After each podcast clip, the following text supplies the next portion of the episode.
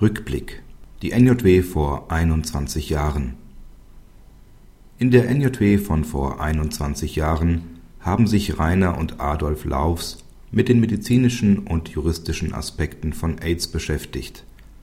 In dem medizinischen Teil des Beitrags stellte Rainer Laufs unter anderem die drei Möglichkeiten der Bekämpfung einer HIV-Infektion vor. Erstens die Blockade der Virusaufnahme, zweitens die Blockade der reversen Transkriptase und drittens die Blockade der Virusproduktion.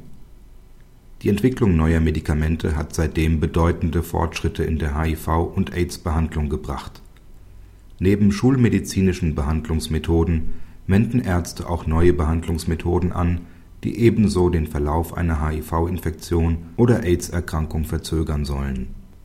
So war es auch im Fall der dem Bundesverfassungsgericht in seinem Beschluss vom 7.4.2008, abgedruckt in diesem Heft, zugrunde lag. Der Patient wollte von seiner Krankenversicherung die Behandlungskosten ersetzt bekommen, die durch neue Behandlungsmethoden entstanden waren. Die Krankenkasse weigerte sich mit der Begründung, dass sie sich für eine Finanzierung der schulmedizinischen Behandlungsmethoden bereit erklärt hätte.